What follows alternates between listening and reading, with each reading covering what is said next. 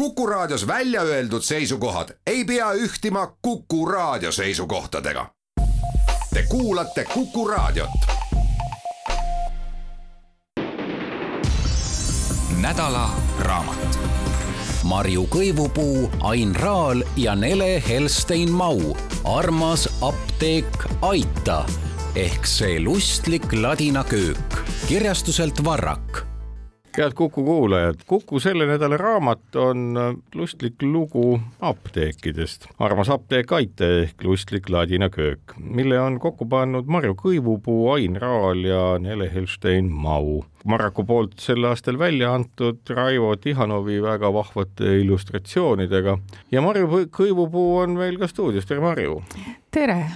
ma saan aru, et äh, täiesti isiklikuks minnes, vaadates su ähm, kinni seotud kätt, et olles nüüd kokku pannud ja ilmutanud apteegiraamatu, milles terve rida lustakaid lugusid apteekide kohta, juhtus ka suuga see, mille tõttu apteek pidi aitama ja, ja lugu ise päris naljakas. jah, tähendab, apteeki tuleb ikka minna ja, ja vaata, see on see, eks ole, et see on see tänu, et ükski heategu ei jää karistuseta. Lähed kitsikus lemmikut päästma, aga kitsikus lemmik on, on tohutus paanikas ja hoolimata kõikidest ettevaatust abinõudest ta ikkagi üritab tänutäheks sul pöialt amputeerida ja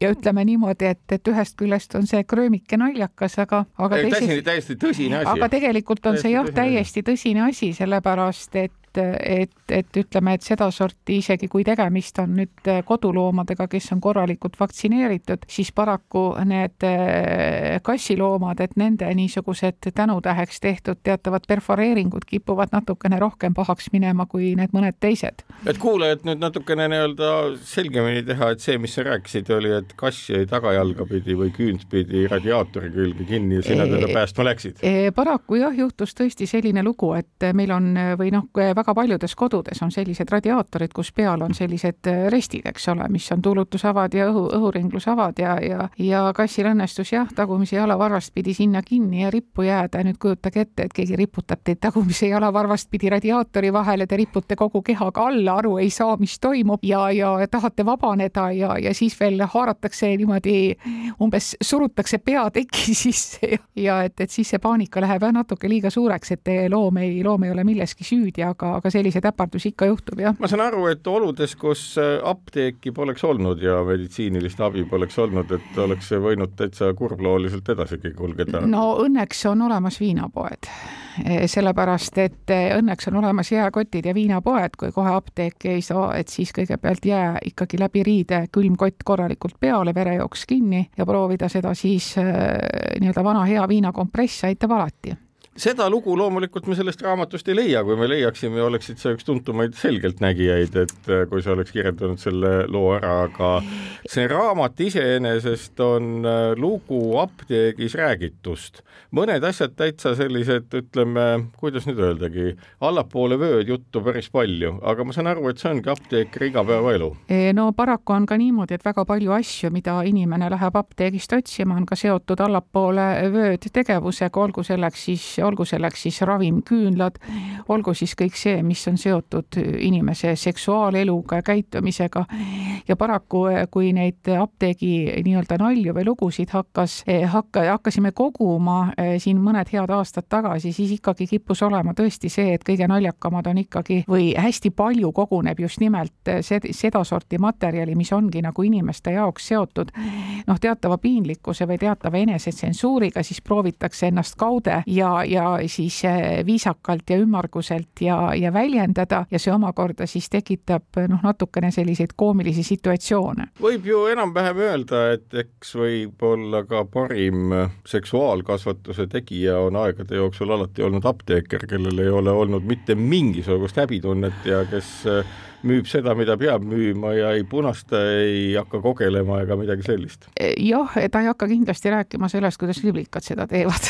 See on see vana klassikaline nali, aga, aga eks ta jah, selge, selge on jah paraku see, et meil on mõned rohkem või vähem noh, piinlikumad teemad ja, ja, ja millest me väga hea meelega nagu eh, teiste kuuldes ei räägi ja mis kahtlemata noh, toovad siis või, või tekitavad ka selliseid pikantsevõitu situatsioone ja pikantsevõitu nalju. Ja, ja samas filoloogina on mul muidugi huvitav tuleb jälgida, ühesõnaga, missuguseid, missuguseid kujundeid või ümberütlevat eh, kõneviisi kasutatakse ja samas on noh, huvitav vaadata ikkagi ka seda, noh, kuidas inimesed nagu saavad aru eh, mingite ravi, raviks mõeldud eh, nii-öelda toodete kasutamisest, et ütleme, ravimküünaldega tõepoolest päriselt juhtunud lood, kus inimesed püüavad neid kuumas vees leotada ja sisse võtta ja, ja, ja mis, mis kõik veel, eks ole, kõrva panna, kui on kõrvavalu ja et et minu jaoks nagu see, ütleme, mm, ka kõiges selles, mis on seotud võib-olla meie nii-öelda nabast allapoole seotud seonduvate kehaosade tervise ja hügieeniga, oligi ikkagi tähelepanuväärne see, et me, me kõik oleme oma mullis, eks ole. me, meil on mingisugune oma eriala spetsiifika ja me ei oska seda näha nagu e, teiste inimeste seisukohast, et ütleme, et kui mina võib-olla tegelen pärimuskultuuriga, et kui sa nagu nii-öelda inimeste hulgas väljas ei käi, siis tekib tunne, et kõik nagu teavad kõike seda, eks ole. ja, ja see on meil tavaline Just, ju. ja, ja kui sa oled nagu, kui sa oled nagu seotud meditsiiniga, et siis me eeldame kõik seda, et aga see on ju nii, nii tohutult elementaarne, et me kõik teame ja oskame seda, aga, aga tegelikult Äh, inimesed ei tea ja ei oska ja, ja sealtmaalt nagu noh, mul tuligi just, et kui ma noh, ütleme, mina olen rohkem nagu olnud siin selline koostaja, koordinaator või, või, või aidanud nagu seda materjali. kelle lood need valdavalt on, mis seal üles on tähendatud? Need on, need on Eesti apteekrite lood, mis on siis nii-öelda lood elust enesest, ükskõik, kas need puudutavad siis äh, ravimite küsimist või noh, mingite apteegitoodete küsimist või siis kõiki neid naljakaid situatsioone, et noh, et kui noormees läheb, eks ole, õhtul daami juurde ja lõpuks niimoodi punastab ja küsib, et, et ega teilt järsku ka lilli osta ei saa, et, et need on, need laekusid ja selles. kuigi võiks ju. võiks ju. arvestades seda, mida kõik apteegist saab, eks täpselt, ole. täpselt, et kõik ilutooteid ja kõike muud, eks ole, et sa lähed ju, sa lähed ju näiteks haige palub sul või sa lähed oma haiget vanatädi külastama ja nii tore oleks korraga apteegist osta ka talle lilled, sest lilled teevad ikka meile head. ja, ja šokolaadi. just täpselt, noh, hematogeeni saab, aga, aga jah, et, et need on tegelikult eh, siin ütleme, võib-olla viimase viie aasta jooksul ja varemgi üles tähendatud lood, sellepärast et ka rah- ja, ja samuti siis ka võib-olla need lood, mis siin Nelel õnnestus Rahvaluule arhiivist leida. kui vanad kõige vanemad lood on, mis ka Rahvaluule arhiivist pärinevad? sealt üheksateistkümnenda sajandi lõpust, kahekümnenda algusest mulle, mulle meenub, kui noh, nagu apteegis käimine sai nagu nii-öelda üldlevinuks ja samas ma vaatasin, et tegelikult need motiivid või ütleme, see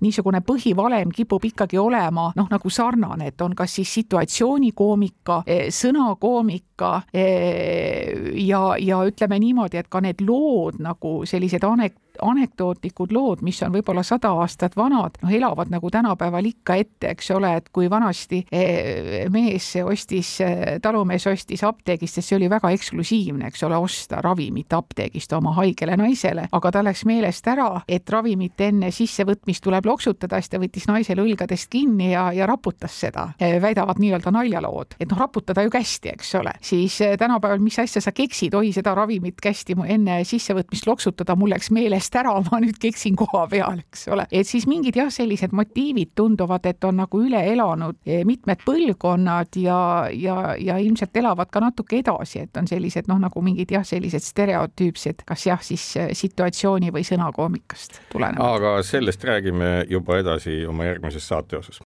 head Kuku kuulajad,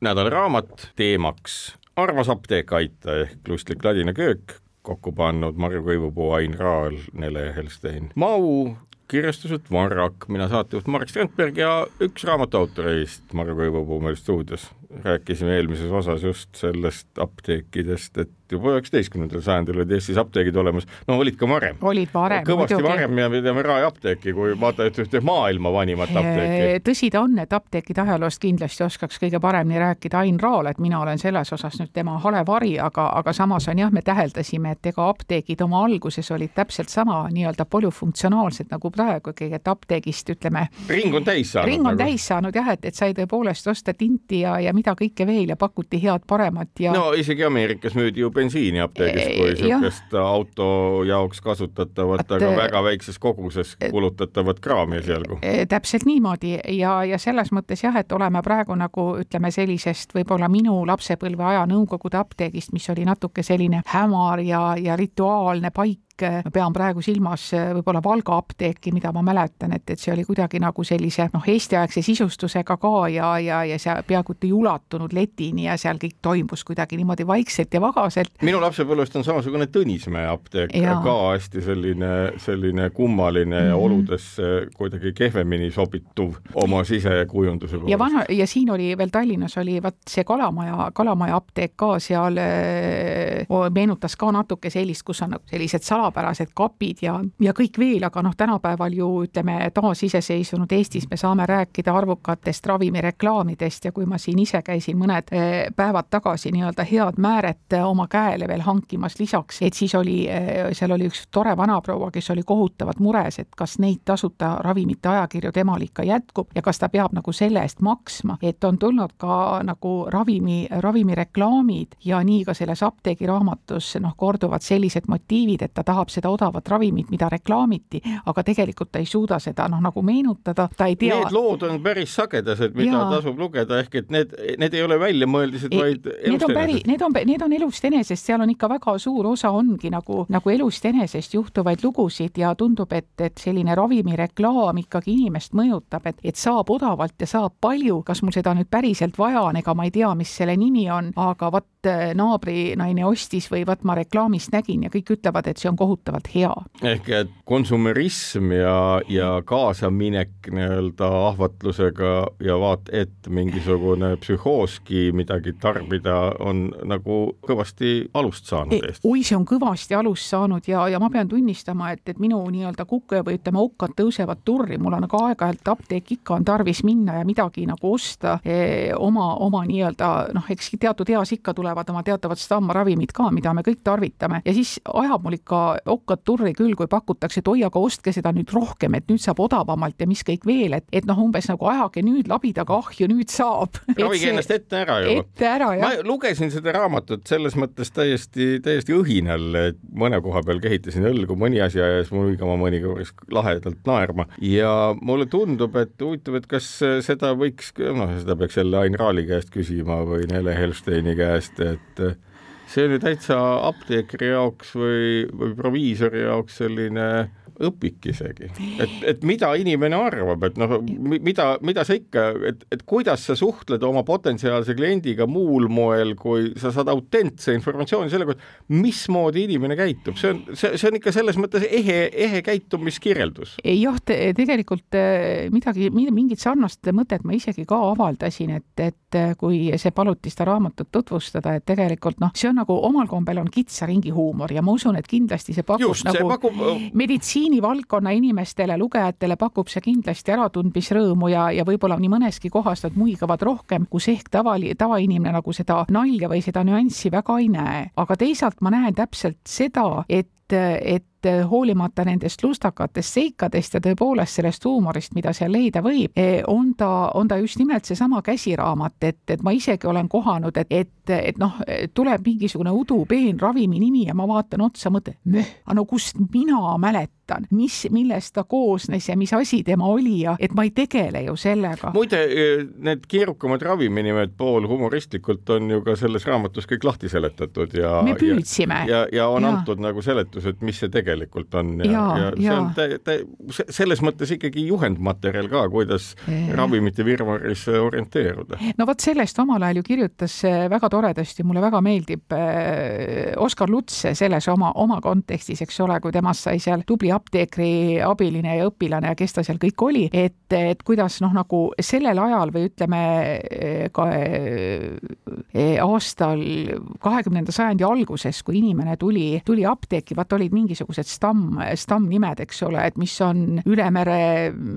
seitsme vanakuradi vanaema, ma ei tea, veri või, või, või, või noh, ühesõnaga, mis asi on juuda, sitt või miski, et seda nagu teati, et ravimeid oli nagu oluliselt vähem. no kõvasti vähem. kõvasti vähem, eks ole, ja tekkisid mingisugused tüüpnimed ja noh, enam-vähem apteekrid teadsid, kuidas seda või teist asja rahvakeeles kutsuti ja osati anda, aga olgem ausad, praegu raviminimed muutuvad, nad on keerulised, nad on arusaamatud ja noh, sageli küll apteekrid püüavad eh, ka öelda, et noh, mille, mille tarbeks see on, et, et kas see oli nüüd eh, selle või teise või kolmanda asja tarbeks, siis ütleme, mina eelistan, kui on ikkagi nagu nimi, aga need nimed on ju tohutult keerulised. no seal on omaette nagu ma saan aru, võib-olla ma nüüd täiesti primitiivselt seda seletan, aga lahti seletatult on ju see nii, et mingi aeg on üks ravim, mis on patenteeritud ja keegi suurtootja teeb selle kaubamärgist enda kaubamärgi. just nimelt. siis kaob patendikaitse ära ja siis hakkab äh, nimede leiutamine ja, ja neid ja, leiutatakse ja. ja kuna iga nimi on sellele leiutajale see nunnu, mille alt ta oma raha teenib, siis seda kaitstakse igal moel. igal moel. ja, ja sealt mm -hmm. see nii-öelda geneeriliste geneerilised ravimite, või niinimetatud koopiaravimid koopia, maakeeles täpselt, just. koopiaravimite mm. arvukas nimede hulk tuleb ja seal on väga palju nalju just nimelt selle sama on, on ja, ja ega, ega tegelikult ütleme ka äh, muidugi mul endal nüüd on pärast seda, ma juba siis, kui see käsikiri nagu oli laua peal, et vaadata, et kuidas, kuidas asjad on paika loksunud ja, ja ma mäletan, et mul endal oli tarvis midagi apteegist osta ja ma seisin keset apteeki ja ma ei saanud, mul lihtsalt tuli naer peale, mul hakkas silmade ees kogu see, kogu see asi, asi niimoodi jooksma, ma ütlesin, vabandust, ma tulen teinekord ja läksin lihtsalt naerdes apteegist välja, ma ei suutnud mitte midagi küsida. selles mõttes annab see sellest raamatust hea ülevaate, kuidas see mõjub. ma hakkasin mõtlema, et ega see täpselt selline raamat, et mida sünnib ju kinkida siin aastavahetuse ja jõulude ajal täitsa rahumeeli nii, nii eriala asjatundjale kui täitsa võhikulegi, kuna eriala asjatundja, no näeb seda, et mida tema te,, mida tema ettekujutus, et kõik inimesed teavad kõike, tegelikult tähendab? E, no nii ta on, et ja kindlasti erialainimene leiab sealt e, võib-olla midagi muigamisväärset, ma kujutan ette mingi teise nurga alt, kui võib-olla tavaline inimene, kelle jaoks on seal erinevate noh, ütleme, olgu siis need kõhulahtistid või, või seksuaalprobleemid, eks ole, mis on, mis on väga levinud ja et võib-olla keegi leiab sealt mingisugused sellised noh, muud naljad, et igaühele oma ja, ja noh, nagu me seal ka muigasime, et, et, et me tegime ju ka ikkagi noh, üksjagu tsensuuri igas mõttes ja vaatasime hoolega, et püüdsime nagu, nagu noh, nagu hoida sellist joont, sellepärast et ega, ega meditsiininaljad, olles nii mõnedegi tohtritega tuttav, ega meditsiininaljad on teinekord üsna tavainimesele, ütleme üsna sobimatud. Aga sellest räägime juba oma järgmises saate osas head Kuku kuulajad, nädala raamatuks tutvustada võetud Marju Kõivupuu, Ain Raali ja Nele Helstein-Mau kirjutatud ja koostatud Urmas Apteek Aitalustlik ladina köögi ülevaade, Varraku kirjastuse poolt välja antud äh, Marju Kõivupuuga meil stuudios, mina Marek Strandberg ja oligi nüüd eelmises osas rääkisime lõpus sellest, kuidas äh, mõned naljad oma sündsuse vähesuse tõttu ja nagu välja jäid. kui palju seda enesetsensuuri siis oli, et ma kujutan ette, et äh, palju või vähe, no ikka on, sellepärast et eh, meie praegune aeg on ju ütleme sellise, meie, meie lisaks nii-öelda tähelepanumajandust iseloomustab meie aega ka suhteliselt kõrge solvumiskultuur. ja, ja kindlasti väga paljud niisugused naljad, noh, mis on nagu, nagu seotud eh, stiilis, eks ole, et kui eh, noh, võib-olla natukene ütleme sellised etnilised naljad ja et nendega tuleb nagu olla tõepoolest ettevaatlik, sest ega me ju tegelikult ei tahagi kedagi solvata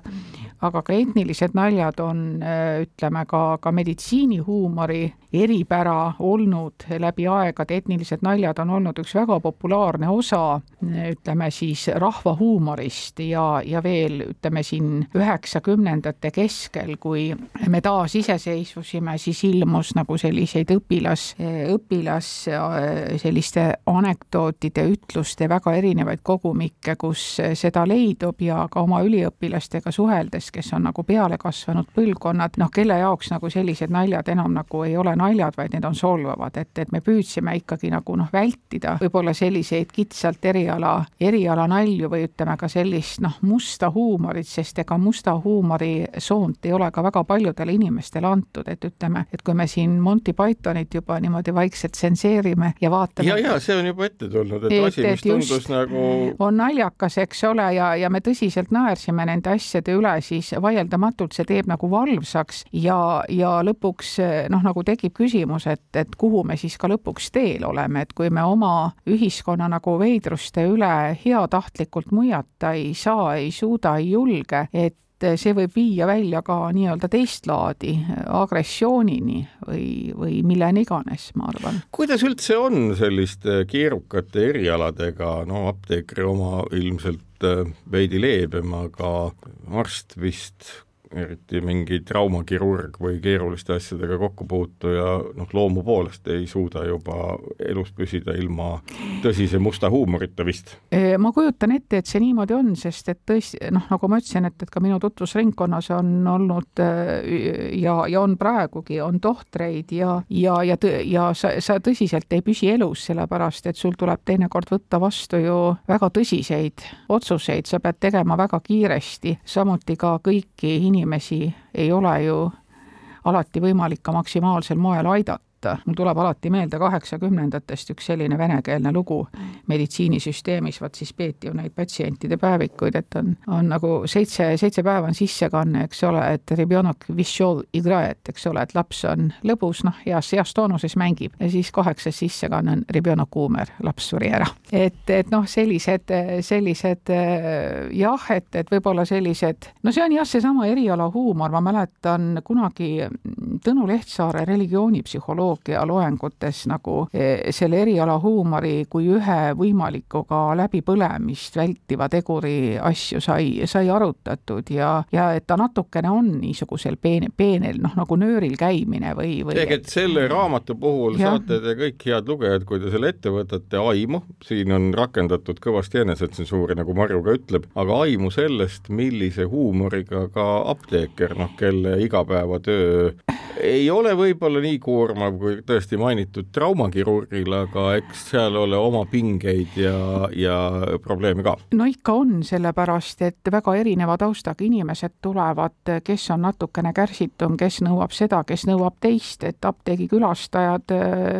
inimesed, kellel on häda ja mure, sageli pöörduvadki ju ka apteeki, sellepärast et see on lihtsasti kättesaadav ja e, sealt saab nõu ja abi ja teinekord on see ka koht, kus saab tegelikult oma nii-öelda haiguskogemuse, valu või pettumuse välja elada kas apteekrid nüüd su kogemuse põhjal ka ise omavahel neid äh, sõnumeid vahetavad või kus, kuhu nad need üles kirjutavad, kus te need üles olete leidnud e,? nagu ma ütlesin, et, et, et umbes seal viis aastat tagasi või, või nii-öelda Aini, Aini eestvõttel, kes on ka minu klassivend keskkooli ajast. ahaa, selline lugu. et selline lugu jah, meil on, meil on selline ühine ajalugu, et aga et tekkis nagu selline mõte, et võiks just nimelt seda apteegi folkloori ja pärimust koguda, sest sest et natukene seda ju on varem ka tehtud ja, ja siin nagu, nagu öeldud, eks ole, et eeskuju Oskar Luts, kes ei ole küll apteegi pärimust või folkloori kogunud, aga on nagu seda võimendanud ja et asju juhtub,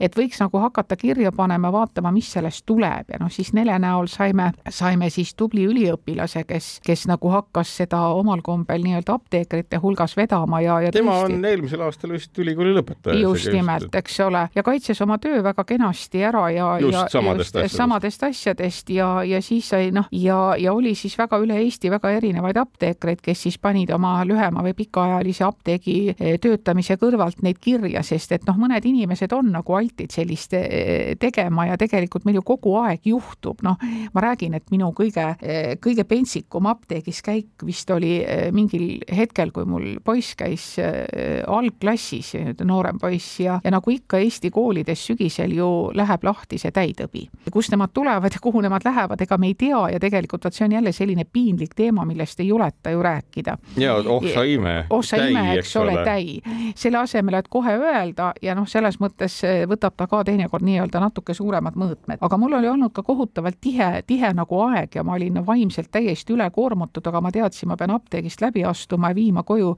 või ostma koju siis nagu seda täitõrjevahendit, sest kui juba ühel on, siis see tuleb kogu pere üle käia, eks ole. ja, ja apteeker annab mulle siis selle pudelikese ja kammi ja kõik, mis vaja on, eks ole, tänapäeval on, ei ole ju niimoodi, et petrooleum pähe ja rätt ümber pea, nagu vanasti oli. ja mina vaatan täiesti, vaatan niimoodi lakke ja küsin täiesti niimoodi, oot, aga mitu tilka seda tuli sisse võtta? Ja siis oli tükk aega oli vaikust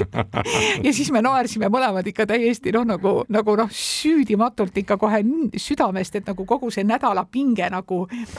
nagu, nagu, nagu. sina küsisid seda siiralt või? ei, ma, ma täiesti mõte, ma, ma, ma ei tea, kustkohast inimesel tulevad nagu sellised mõtted, et ilmselt on see, et noh, nagu sul on see aju ja, ja see tegevus on niisuguse koormuse all, et sa ei mõtle üldse, et käivitub mingisugune nii-öelda varuketas ja see toimetab täiesti omasoodu, aga, aga see, see tohutu selline noh, nagu see südamest tulev naer ja me tõsiselt naersime tükk aega, nii et kohe oli, et silmist jooksis vesi, et, et ma sain aru, et vot see oli võib-olla see tõuge, mis mind ajendas nagu selle apteegi, apteegi huumoriga tegema, et noh, tõepoolest juhtub asju, et noh, sa oled mingisuguse piloodi peal ja, ja tegelikult noh, su aju tegutseb piloodi peal, sa sellel hetkel. täiesti rahumeeli me saame ette kujutada, et iga juhtum siin raamatus ja. kirjeldatust on midagi umbes samasugust. midagi umbes samasugust, et kas see on inimlik, inimlik selline või, või, või, või tõesti noh, ega, ega, ega sa ei lähe ju meelega tegelikult küsima, küsima midagi valesti, eks ole, sa küsid seda nii, nagu sul meelde on jäänud või, või tekib mingi teine mingi situatsiooni koomika, nii et äh, mulle väga meeldis see noh, nagu Ain leidis või siis on ühe sõnaga kas siis tõlk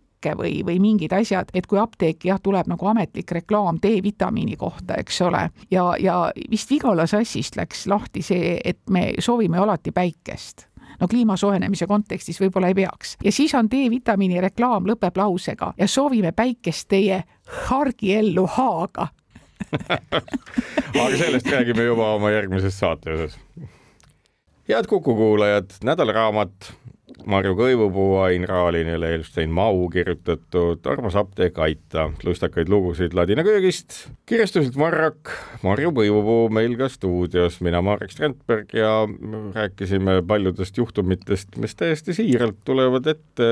ja ongi naljakad ja seda nalja ei saa ühelgi moel vältida ja vahel ka nii apteegikülastaja kui apteeker, nii nagu Marju oma jutu ära rääkis, naeravad lahinal. kui palju nende juttude taga on midagi sellist, mis on ikka noh, täiesti traagiline või, või, või kom-, koomil-, koomilist on seal nagu raske aimata? no ütleme, ütleme niimoodi, et äh, kadunud akadeemik Arvo Krikman, kes on võib-olla läbi aegade Eesti suurim rahvahuumori uurija, on, on väga tabavalt sõnastanud ja väga õigesti, et et igas koomilises olukorras on ka kellegi jaoks midagi traagilist. et eks seda nüüd peab äh, ilmselt küsima apteekrite endi käest, et kas on ka olnud mingeid niisuguseid, niisuguseid, niisuguseid juhtumeid, mis on nagu, nagu sellised tõsised, aga, aga siinsed lood võib-olla on tõesti ka need, mis on nagu varasemad apteeginaljad, mida on juba kirja pandud ja ka võib-olla mõnes teises huumorikogumikus avaldatud, et me vaatasime need ka läbi, et need ikkagi ka natukene noh, nöögivad inimest ja, ja teinekord siis ka e, niisuguseid inimlikke nõrkusi ja pahesid ja inimestevahelisi suhteid ja, ja noh, on võib-olla ka sellised natukene ka stereotüüpsed, noh, ükskõik, kas need ämmanaljad näiteks, mis on mm,, et noh, me teame seda, eks ole, et äh, ma ei, ma ei tea, kuskohast see tuli, aga, aga mina olen seda nagu terve eluaja teadnud, et see omaaegne apteegi sümbol, madu ja karikas, eks ole, meditsiinisümbol, et, et see on ikka tähendanud ju seda, et ämm sööb jäätist või armas ämm sööb jäätist. ongi nii või? jaa, aga ma, ma ei tea, kuskohast see tulnud on, aga, aga, aga ütleme niimoodi, et mingisuguses sellises ikka teismelise eas ma ikka panin tähele, kuidas, kuidas vanemad inimesed nagu ütlesid, et noh, et mida see tähendab, et. aga see vist on nagu tänasel päeval ära kadunud ja selle mõistmine on ka keerukam, kuna sellist nii-öelda kohustuslikku kooselamist ja läbikäimist tänasel äh, päeval on ilmselt vähem kui äh, muiste. jah, ja, ja, ja tegelikult noh, ma ütlen, et, et tõesti, et, et noh, need ämmanaljad, ämmanaljad võib-olla hakkavad taanduma, aga, aga selles raamatus jah, mõnda neist ikkagi on, mis on, ütleme, sellised, sellised nagu, nagu klassikalised, klassikalised rahvanaljandid ja ma vaatan, et äh, kuna mul on võimalus siin nii-öelda elektrooniliselt sirvida ka seda raamatut, siis tegin huvi pärast otsinguid, et äh, kui nii-öelda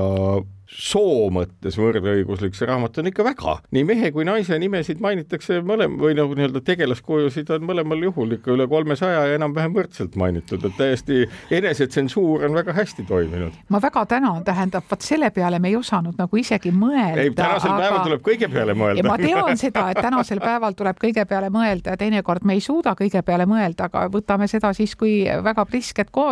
komplimenti, et, et meditsiiniküsimustes meil vähemalt sooline tasakaal on nagu, nagu kenasti paigas. On, on teine asi veel, et kuulajale ka, et äh, kondoomid ja preservatiivid on vaieldamatult kõige rohkem esinev sõna selles. E, rohkem kui aspiriin näiteks ja.... ei, ei kahtle üldse ja tegelikult me võtsime neid, äh, neid nii-öelda siis ähm, eh,, kuidas see üle, viisakalt väljendudes, et selle väiksema härrasmehe ülikonda, et me võtsime seda teemat kõvasti vähemaks, sest millegipärast tundub küll jah, et see. see on nagu peamine küsimus apteekrite jaoks. ma ei oska öelda, kas peamine, seda peab nende käest küsima aga tõenäoliselt on see väga delikaatne teema ja kindlasti lõviosa eh, sellest pärineb ajast, kus eh, sedasorti kraam oli ju defitsiit. no umbes samamoodi nagu see, eks ole, millest sai ju ka Covidi ajal nii-öelda uus meem, et maske ei ole ega tule, noh, sest neid ikka ei toodetud ja neid ei olnud ka võimalik müüki paisata, nii nagu nõukogude ajal oli, et vatti ei ole, ei tule, ärge küsige, vatti tõepoolest ei ole ja samamoodi oli ju ka defitsiit. no maskidega läks oluliselt paremini, tootmised läksid käima ja, ja raha saab, siis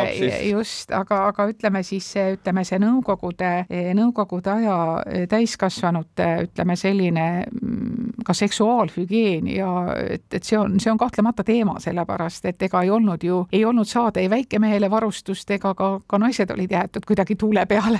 oma muredega. ehk et kõik leiutasid ise ja, ja toimetas... püüdsid, püüdsid hakkama saada, sest et noh, näiteks seda, mm, see on ikkagi taasiseseisvumisega tulnud, et, et väikemehele sobivat varustust on võimalik osta ka Toidupoekassast jaa, praktiliselt igalt poolt, aga, aga ma saan aru, et need apteeginaljad on ikkagi ka täitsa nüüdisaega välja tulnud ju. ja on küll, loomulikult, loomulikult on ja, ja, ja noh, mis ongi nagu eh, minu jaoks oli nagu huvitav vaadata, et just nimelt, et millised teemad on nagu, nagu püsivad ja noh, ma ütlen jätkuvalt on ikkagi tõepoolest püsivad, on kõik seksuaalsusega seotud. no imelik teemad. oleks ka, et kui ei oleks, et siis tuleks no, hakata juba kahtlevalt vaatama inimkonna peale, et midagi tõsist on muutunud.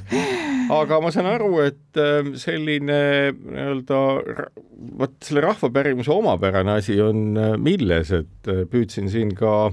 moodsas terminis somest ehk sotsiaalmeediast mm -hmm. vaadata, et kas sedalaadi no nii-öelda keskkondi, kus sellist huumorit üles tähendatakse, on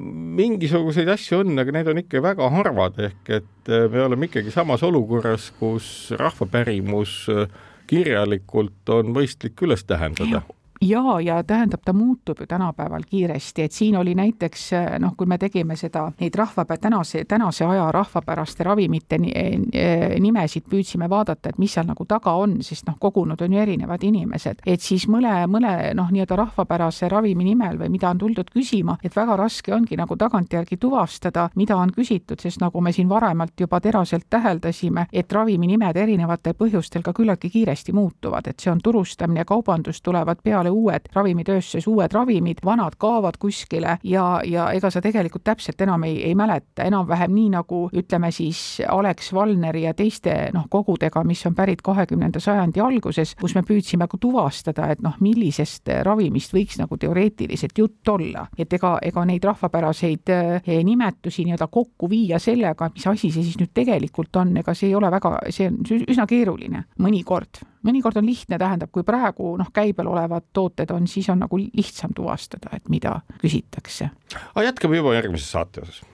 head kuulajad, Kuku nädalaraamatuks sel puhul Armas apteek aita, Marju Kõivupuu, Ain Raali, Nele Holstein-Mau koostatud, Varraku poolt välja antud Marju Kõivupuuga, mina, Marek Strandberg siin täna ka neist asjust räägime ja tulemegi sinnasamasse, et ega ju nagu ka jutuks oli, et siin sajand, eelmise sajandi alguses oli võib-olla noh, kümme, võib-olla kakskümmend ravimit, millega mm -hmm. arst pidi kõik toimingud ära tegema ja, ja. mida apteeker soovitada sai ja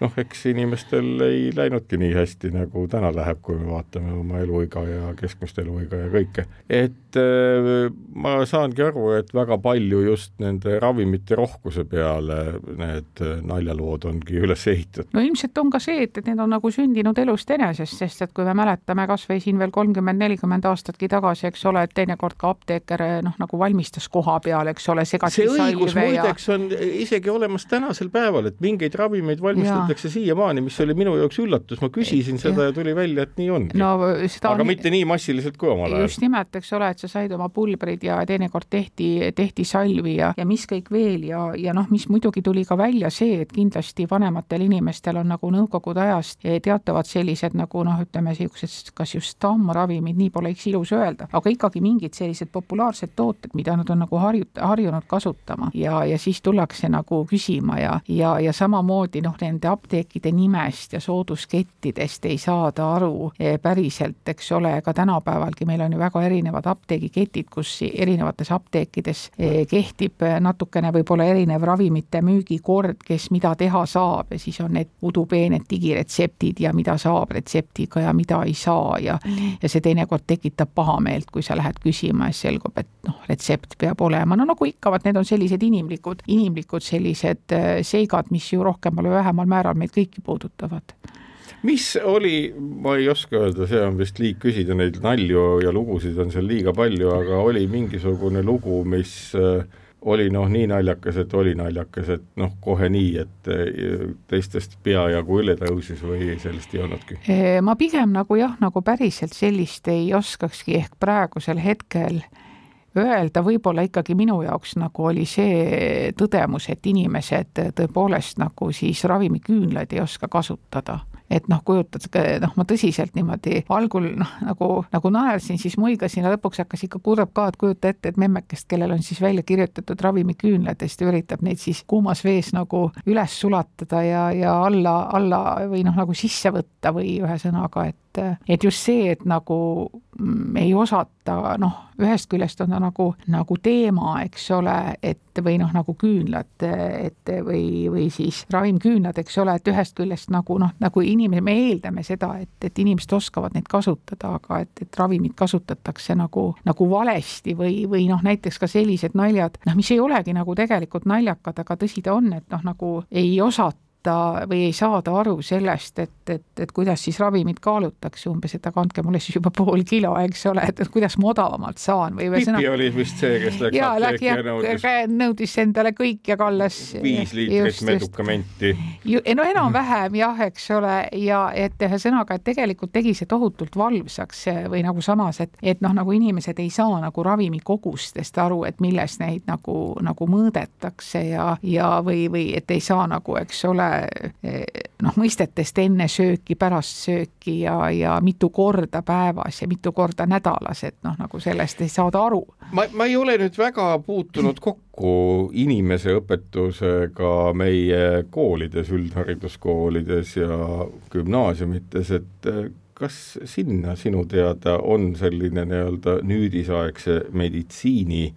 ja ravimi asjade õpetus sisse tulnud, et mida see tähendab, mida tähendab ravim, nii edasi, nii edasi, kõik muu selline? mulle teadaolevalt ei ole olnud see, kuigi mul on äh, suhteliselt noorepoolne järeltulija, kelle küll gümnaasiumi lõpetamisest saab nüüd kolm aastat, aga, aga ühesõnaga ega, ega koolis ei räägitagi sellistest asjadest, ühesõnaga seksuaalkäitumisest ju räägitakse, aga sealt edasi noh, või kuidas oma tervise eest hoolitseda või hamba, hambaid pesta, aga, aga sealt edasi on ta nagu suhteliselt jah, hõre, eks ole, noh, praegu ei ei saada ju ka esmaabiõpetust. Ja ma arvan, et see, et lapsed nagu võib-olla meie sinu kooli ajal kindlasti ka, me ju saime ikkagi elementaarselt. oi, me pidime oskama veel... igasugu asju teha, lahaseid, luumurdu korrigeerida ja imedamaseid värke. just täpselt. Ja seda me kõike ka oskame ja, ja sellepärast võib-olla ka noh, me ei ole nii terviseärevad, aga me oleme peale kasvatanud põlve teadmise või noh, põlvkonnad, kellel neid teadmisi ei ole, mis minu arvates terviseärevust suurendab, sest inimene tunneb ennast ikka ebakindlalt kuulajat, kui ta tegelikult ei tea, mis, mis, mis probleem on, ühesõnaga, et meil on noh, väga lihtne on muiata inimeste üle, kes võib-olla äh, sääsehammustuse pärast tormavad, noh, siin oli ka üks lugu, tormab apteek ja kardab, et teda on äh, ebasündsast kohast madu hammustanud, eks ole, et rästik on hammustanud, tegelikult on tegemist sääsehammustusega, aga kas me tegelikult õpetame seda, et, et see on, see on nagu inimeseks olemine, selline element, elementaarne üldharidus, et vahel mulle tundub, et me valmistame gümnaasiumis ka ette ja põhikoolis ette inimesi, kes astuvad nagu iga, igat ainet vaatad, et valmistab nagu ette selle, see spetsialistiks hakkab nagu seda ülikoolis veel täiendavalt õppima. aga tegelikult on vaja just nimelt selliseid, minu meelest ka selliseid praktilisi argielulisi teadmisi, eh, kuidas mitte sattuda nagu paanikasse, mida teha, mis puhul reageerida, mis puhul ühesõnaga noh, see on see suurepärane sõna enese triaaž, eks ole, et mis puhul pöörduda ja mis ajal pöörduda arsti juurde, konsulteerida, mis puhul anda ise kodus elementaarset esmaabi ja vaadata, mis hakkab juhtuma. ehk et iseenesest ei oleks ka midagi halba, kui näiteks, ma ei tea, haridusminister või selle ministeeriumi kantsler näiteks ka selle raamatu saaksid, kas ostaksid või, või, või saaksid kingitusena, et aru saada, milline on inimeste keskpärane arusaam äh, sellisest nii-öelda medikamentoossest tervise poolest. just nimelt või üldse tegelikult oma tervise eest hoolitsemisest ja ka sellest äh, ja tõepoolest täpselt see, et seesama, nagu ma jah, kasutasin seda sõna, et enesetriaaž, et, et hinnata oma tegelikku tervislikku seisundit, mis puhul osutada, osutada esmaabi, kuidas kirjeldada oma probleemi näiteks apteekrile, milliste sõnadega, eh, kuidas nagu nii-öelda anda, anda tõepoolest nagu nagu noh, niisugust arusaadavat teavet, et teine pool ka nagu aru saab, milles probleem on, et siis asume seda lahendama. et, et võib-olla see on kindlasti, ma arvan, et üks, üks viis, et nagu sellist terviseärevust vähendada, et noh, et ma olen täheldanud, et inimesed tänapäeval igast väiksest, nii teinegi kord satuvad suhteliselt pisikesest asjast, oskavad nagu sattuda nagu ärevusse ja samas ei tunne nad ära nagu, nagu natukene suuremat probleemi, see tuli Covidi ajal minu jaoks väga-väga eredalt nagu välja, et, et et me ei oska nagu panna neid asju nagu tähtsuse või suuruse järjekorda, et see, see on hea, et sa kinnitad seda tunnet, mis mul ka lugedes tekkis, et üks asi on see, et lugeda lihtsalt eestikeelseid lahedaid lugusid, mis apteegis mm -hmm. juhtunud on, aga kui mõtisklema hakata nende aspektide üle, miks see nii on mm, -hmm. tulebki välja, et see ühtepidi humoorikas, nalja täis lugude jada peegeldab hoopis teist ja. osa ühiskonnast ja selles mõttes noh, vot alati, kui tark inimene, teadlane ja seda valdkonda tundev inimene paneb kokku isegi huumorikogumikku, on selle noh, selline nii-öelda vaikselt kõrval olev asi väga oluline. E, just nimelt ja, ja see, see, sellised asjad, noh, meil on alati selline tunne, et, et me peame nagu rääkima nii-öelda tõsistest asjadest, ma kasutan selle kohta nagu väljendit, et me oleks riidepuu alla neelanud. aga just nimelt selline, ütleme, see argikultuur, et apteegi huumor või need tõsiselt sündinud lood on osa meie argikultuurist, meie igapäevakultuurist ja argikultuuri tasub uurida selleks, et mõista ühiskonda täpselt samaväärselt, nagu me näiteks uurime kõrgkultuuri, sest noh, kas me tahame või mitte, ta peegeldab peegeldab ühel või teisel viisil inimeste teadmisi, arusaamu, hoiakuid ja, ja, ja võib-olla noh, vot jälle, eks ole, et meieealistel on oskus ka näha või lugeda nii-öelda ridade vahelt või näha, mis seal taga on. et ka iga sellise naljaka või kurbnaljaka loo taga on, on tegelikult inimesed ja, ja nende arusaamad. sellest oli meie nädalaraamatu lugu Armas apteek aita ja ega muud kui head lugemist teile ja kaunist päeva nädala raamat. Marju Kõivupuu, Ain Raal ja Nele Helstein-Mau. armas apteek Aita ehk see lustlik ladina köök kirjastuselt Varrak